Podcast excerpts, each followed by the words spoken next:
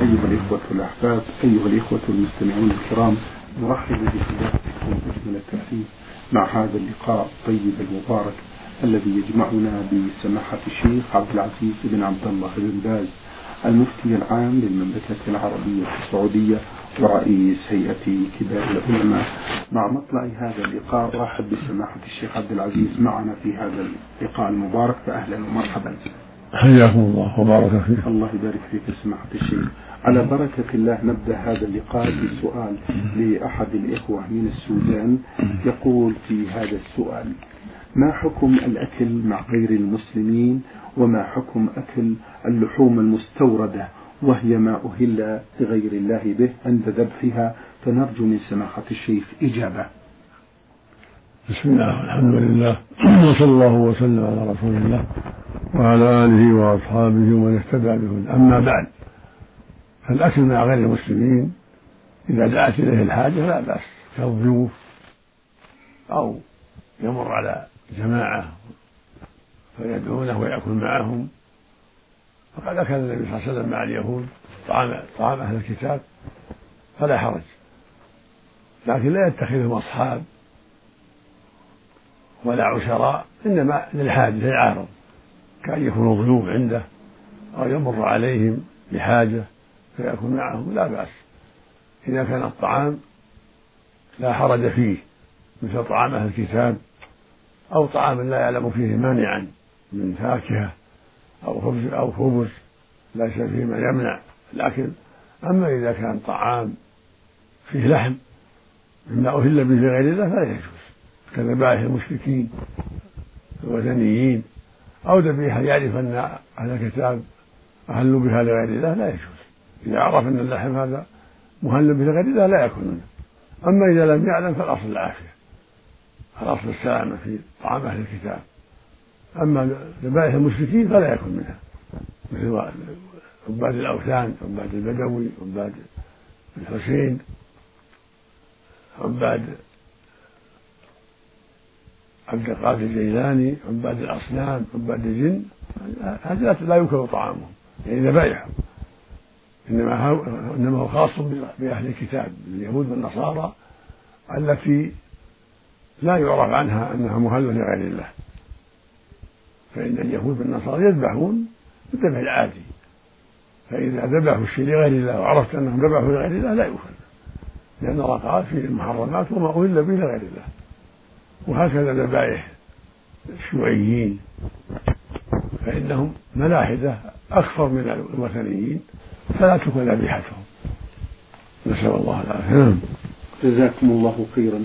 السائل ألف ألف عين من السودان يقول آه الآية الكريمة يقول الله عز وجل إن قرآن الفجر كان مشهودا. هل قرآن الفجر قبل صلاة الفجر أم بعدها؟ أفيدونا بذلك. المقصود هو صلاة الفجر. هنا بالآية المقصود صلاة الفجر. تشهده ملائكة الليل وملائكة النهار. يحضرون صلاة الفجر. ويعرجون إلى الله جل وعلا ويقول أتيناهم وهم يصلون وفارقناهم وهم يصلون. نعم. مشهودا تشهده الملائكة. ملائكة الليل وملائكة النهار. والقرآن هنا مراد به الصلاة نعم. جزاكم الله خيرا. يقول السائل ما هو وقت صلاة الضحى؟ وهل هناك آيات بعينها كان يقرأها الرسول صلى الله عليه وسلم في هذه الصلاة؟ صلاة الضحى ما بين ارتفاع الشمس إلى الرمح إلى أن تقف. الشمس غرب الظهر كلها ضحى. فإذا صلاها بعد الشروق بعد ارتفاع الشمس فقد صلاها صلاة الضحى مبكرا. والأفضل أن تكون عند شدة الضحى.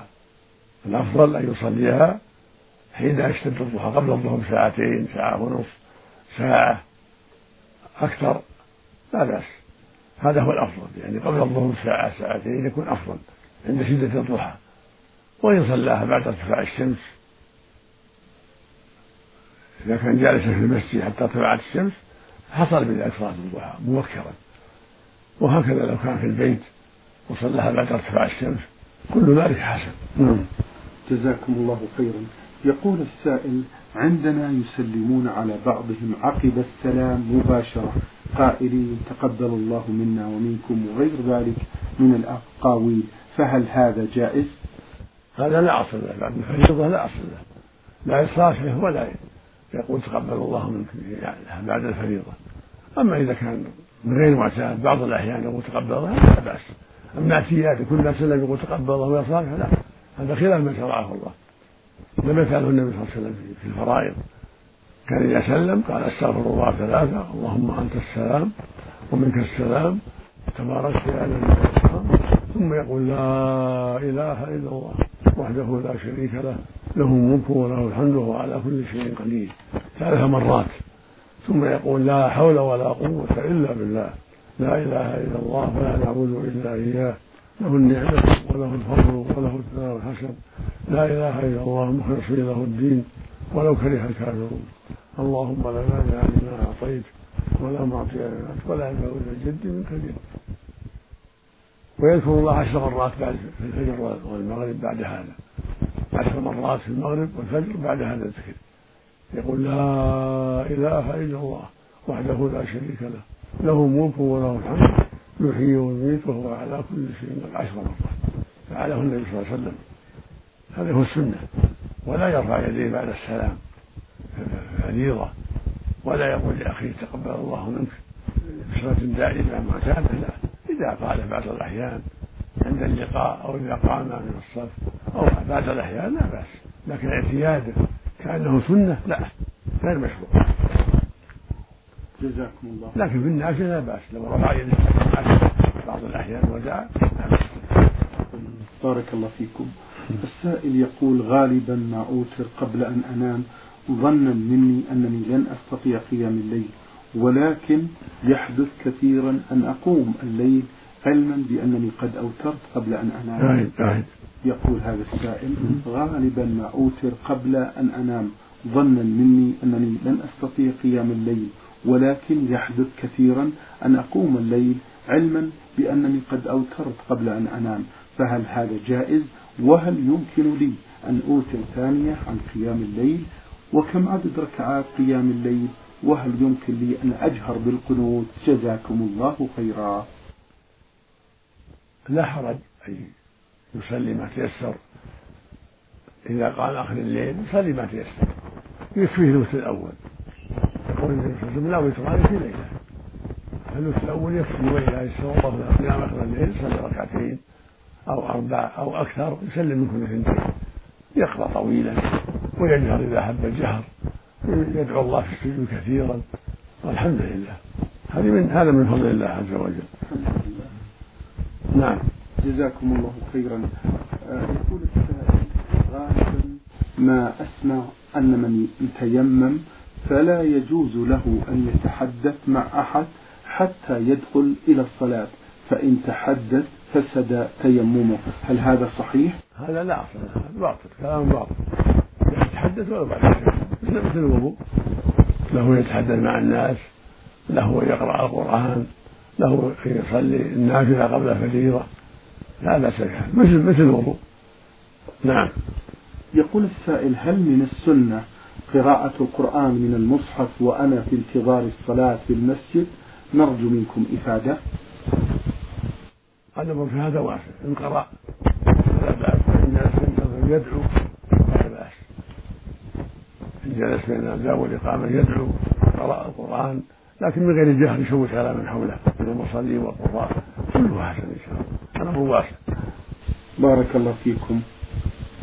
ننتقل إلى رسالة وصلت من اليمن السائل عبد الفتاح يقول في هذا السؤال عندنا إمام مسجد يقنت في صلاة الفجر وتحدثنا معه في ذلك فعاند وأخذ برأي الشافعي رحمه الله ونحن لم نقنت معه. هل نقنت معه أو نبقى على ذلك أو ننتقل إلى مسجد آخر؟ جزاكم الله خيرا. لا مانع أن تقنطوا معه.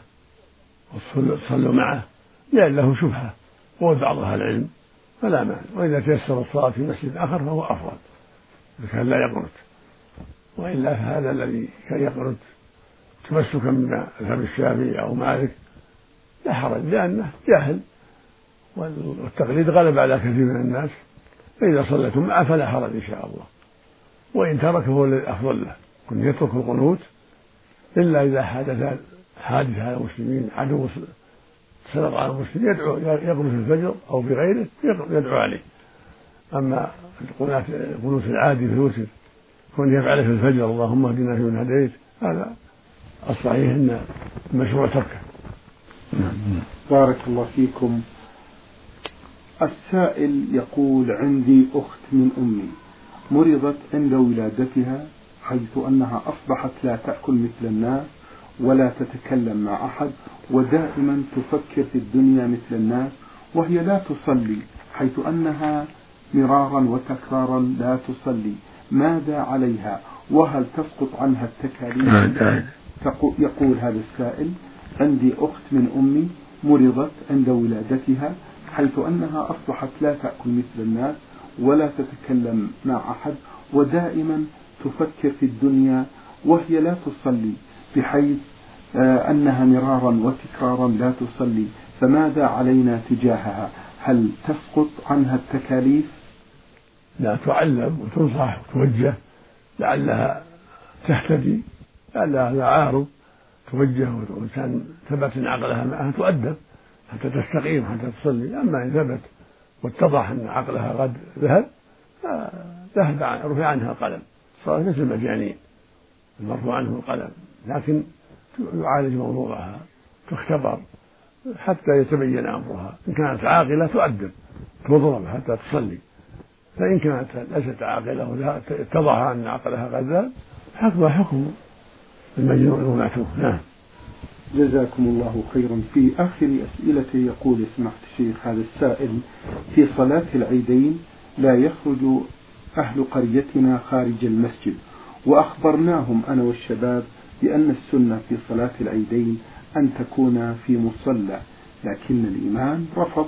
هل نصلي نحن والشباب نعم.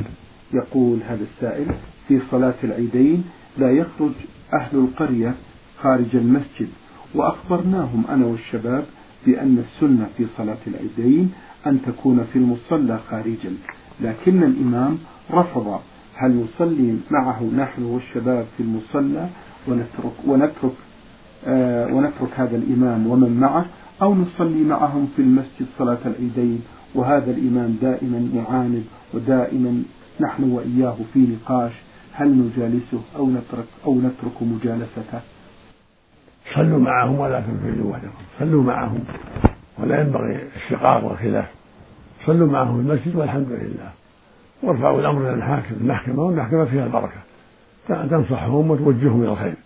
أما أن تصلوا معهم ولا لا تنازعوا عليكم بالاتفاق والتعاون على البر والتقوى وتركوا النزاع وارفعوا الأمر المحكمة وفيها البركة إن شاء الله. جزاكم الله خيرا. السائلة راء ميم ها من القصيم. استعرضنا سؤالا لها في حلقة سابقة. تقول لي أخ من الرضاع أسلم عليه وأقبله كأخي. هل ما أفعله صحيح؟ وهل هو محرم؟ وهل هو محرم لي؟ تقول السائلة لي أخ من الرضاع أسلم عليه وأقبله كأخي فهل ما أفعله صحيح؟ وهل هو محرم لي؟ أرجو منكم الإجابة. نعم هو محرم لك. إذا كان الرضاعة ثابت هو محرم لك كأخيك من النسب. ولكن تقبيله بين عينيه أو على أنفه أو على رأسه ومصافحته كأخيك من النسب وكعمك من النسب. هذا هو محرم إذا كان الرضاعة ثابت خمس رضاعات أو أكثر في الحولين إذا كان الرضاعة ثابت خمس رضاعات أو أكثر حال كونه في الحولين فلا بأس. نعم. جزاكم الله خيرا. السائلة تقول أسأل عن معنى الحديث. قال النبي صلى الله عليه وسلم نساء كاسيات عاريات مائلات مميلات رؤوسهن كأسنمة البخت المائلة. أرجو أن تفسروا هذا الحديث سماحة الشيخ. هذا حديث صحيح رواه في الصحيح. النبي صلى الله عليه وسلم وصنفان لم أرهما رجال بأيديهم سياط يضربون بها الناس يعني ظلما. كالشرطة الظالمين ونحو ذلك. ونساء كاسيات عاريات مائلات مميلات.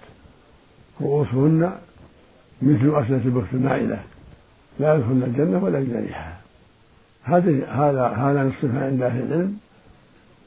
الصنف الأول الظلمة من شرطة وغيرهم يعذبون الناس بغير حق. والثاني نساء كاسيات بالاسم عاريات في الحقيقة. إما لأنها ثياب رقيقة أو قصيرة. اسم كسوة بلا حقيقة. مائلات عن الرشد وعن العفاف وعن الطاعة إلى الفواحش والزنا مميلات لغيرهن. رؤوسهن كأسنة بخت المائلة. البخت المائلة إبل لها سنمان فهي تعظم رأسها وتجعل عليها أشياء تعظمه حتى يكون كالسنامين للناقة. يعني تعظم رأسها بما تجعله عليه حتى يكون كأنه رأسان من من ما تلبد عليه من خراق أو من أشياء أخرى. هذه علامة عليهم. نعم. جزاكم الله خيرا. إن شاء الله العافية. اللهم آمين. السائل طلعت آه، سوداني ومقيم بالرياض له مجموعة من الأسئلة. يقول هذا السؤال أولا المآتم هل يجوز الذهاب للعزاء لأهل الميت وتعزيتهم إذا كانت لديهم بدع مثل قراءة الفاتحة مع رفع الكفين قبل إلقاء السلام عليهم نرجو منكم الإفادة. أعد يقول في المآتم هل يجوز الذهاب للعزاء, للعزاء لأهل الميت وتعزيتهم إذا كان لديهم بدع مثل قراءة الفاتحة مع رفع الكفين قبل إلقاء السلام عليهم؟ نعم تعزيهم وتنصحهم. تعزيهم وتنصحهم ما عندهم من البدع والحمد لله. تجمع بين الخيرين بين التعزية و... و... وإنكار المنكر. نعم. يقول لدينا عادة حيث يدفع المعزي مبلغا من المال حسب قدرته لأهل الميت. هل يجوز هذا؟ إذا كانوا فقراء واعتاد الناس إعطاءهم فلا بأس. إذا كانوا فقراء يعطونهم لفقرهم ولكن الأفضل من هذا تصنع لهم طعام.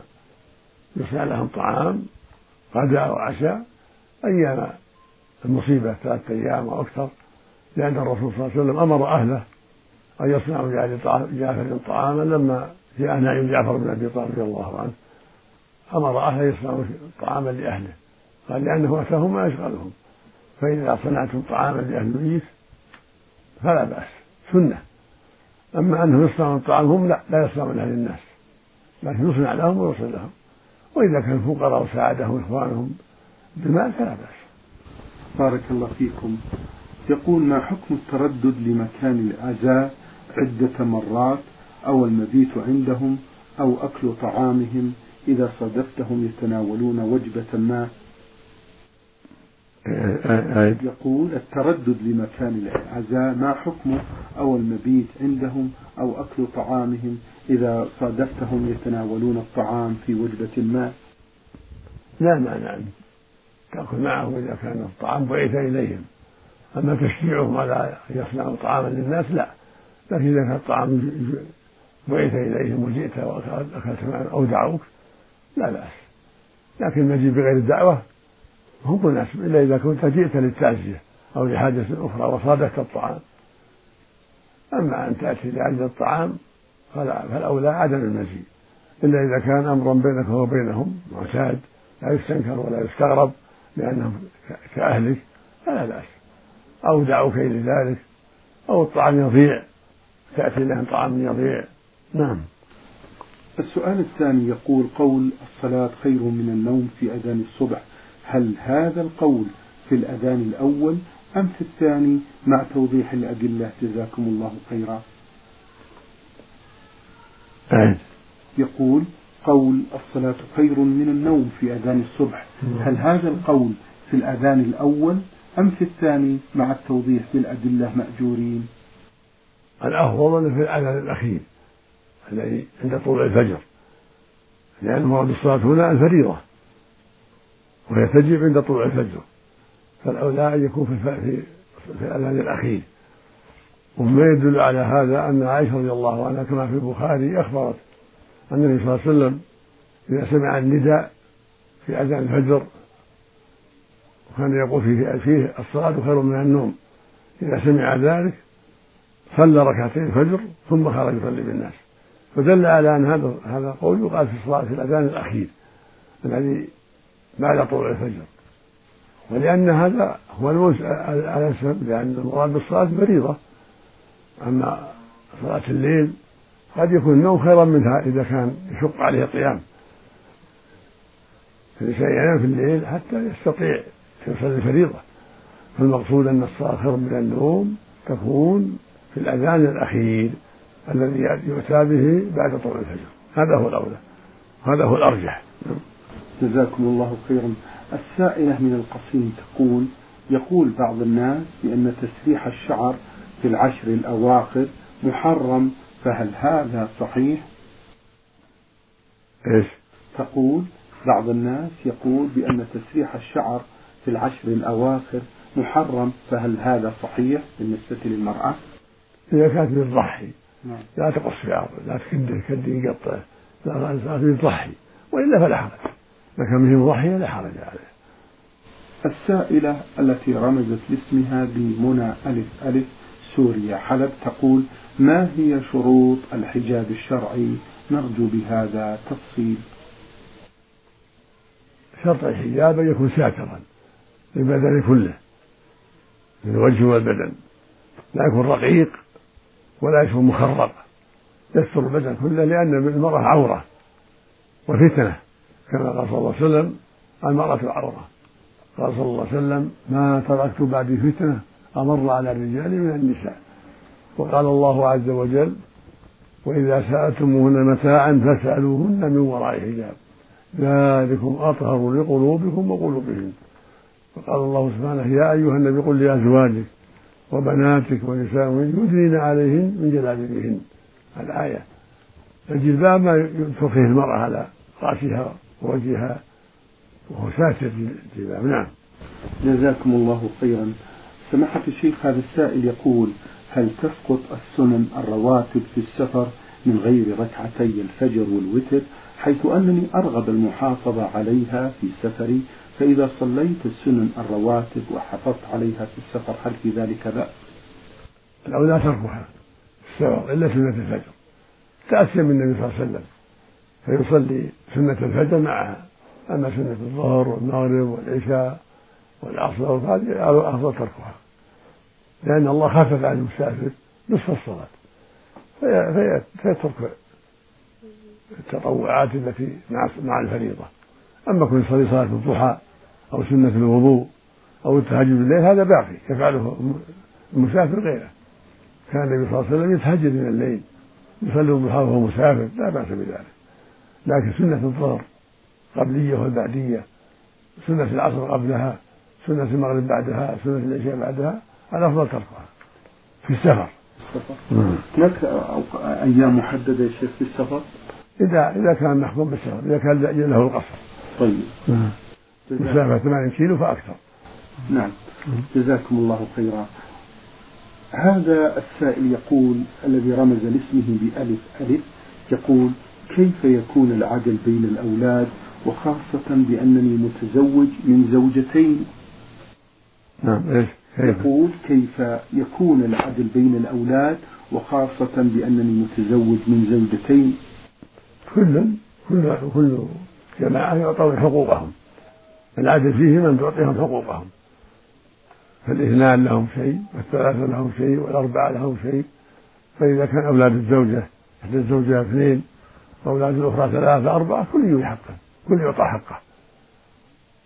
وهكذا الزوجة الثالثة والرابعة. تعطيهم النفقة اللازمة أما العطايا التي غير النفقة لا بد من العدل فيها. تعطيهم شيء زايد على النفقة لا بد من العدل يقول النبي صلى الله عليه وسلم اتقوا الله واعدلوا بين أولادكم. أما النفقة فعلى حسب الحاجة. الأولاد الكثير لهم لهم نفقة والقليل له نفقة والصغير له نفقة والكبير له نفقة. يختلفون في كسوتهم في غير ذلك. جزاكم الله خيرا من سماحة الشيخ. ننتقل إلى رسالة بعثت بها السائلة من السودان رمزت لاسمها بكاف عين ميم ألف. تقول في السؤال الأول. إذا عقد النكاح على الفتاة دون موافقتها أو دون علمها هل هذا النكاح يعتبر شرعيا؟ خصوصا إذا كانت الفتاة يتيمة. وما هو الجزاء المترتب على الوكيل الذي شهد بموافقتها زورا أفيدونا في ضوء هذا السؤال. تقول السائلة إذا عقد النكاح على الفتاة دون موافقتها أو دون علمها هل هذا النكاح يعتبر شرعيا خصوصا إذا كانت الفتاة يتيمة؟ وما هو الجزاء المترتب على الوكيل الذي شهد بموافقتها زورا؟ أفيدونا بذلك. لا يصح النكاح إلا بإذنها. وإذا كانت بكرا إذنها السكوت. سواء كانت يتيمة أو غير يتيمة. يقول النبي صلى الله عليه وسلم لا تنكح البكر حتى تستأذن ولا تنكح الأيم حتى تستأمر. قال له البكر يا رسول كيف إذنها؟ قال أن تسكت.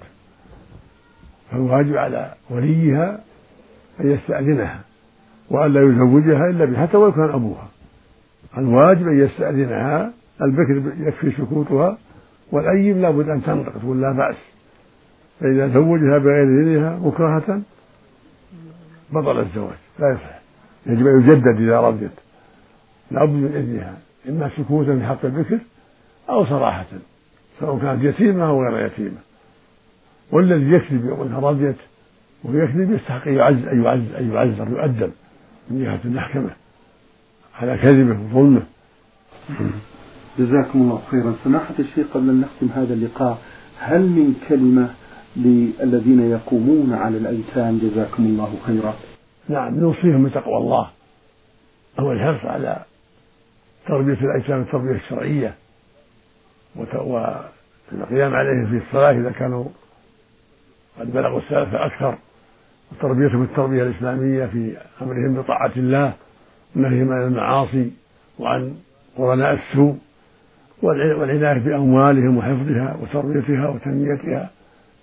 كل هذا أمر مهم. فنوصي أولياء الأيتام بالنصح للأيتام وأن يؤمروا بطاعة الله وأن يمنعوا عن محارم الله وأن يمنعوا من قرناء السوء وأن تجازي حفظ أموالهم وتربيتها وإذا كان دون السبع كذلك يوصى بهم خيرا تربيتهم تعليمهم والإحسان إليهم حتى يميزوا ثم يمروا بالصلاة مع الناس ويلاحظ عليهم كل شيء ينفعهم في الدين في الدين والدنيا. شكر الله لسماحتكم على ما تفضلتم به بالحديث معنا في هذا البرنامج نور على الدرب. شكر الله لكم وعظم الله مثوبتكم يا سماحة الشيخ وبارك الله فيكم وفي علمكم ونفع بكم المسلمين وإياكم أيها الإخوة الأحباب أيها الإخوة المستمعون الكرام أجاب عن أسئلتكم سماحة الشيخ عبد العزيز بن عبد الله بن باز المفتي العام للمملكة العربية السعودية ورئيس هيئة كبار العلماء. شكر الله لسماحته. وفي الختام تقبلوا تحيات زميلي مهندس الصوت فهد العثمان. والسلام عليكم ورحمة الله وبركاته.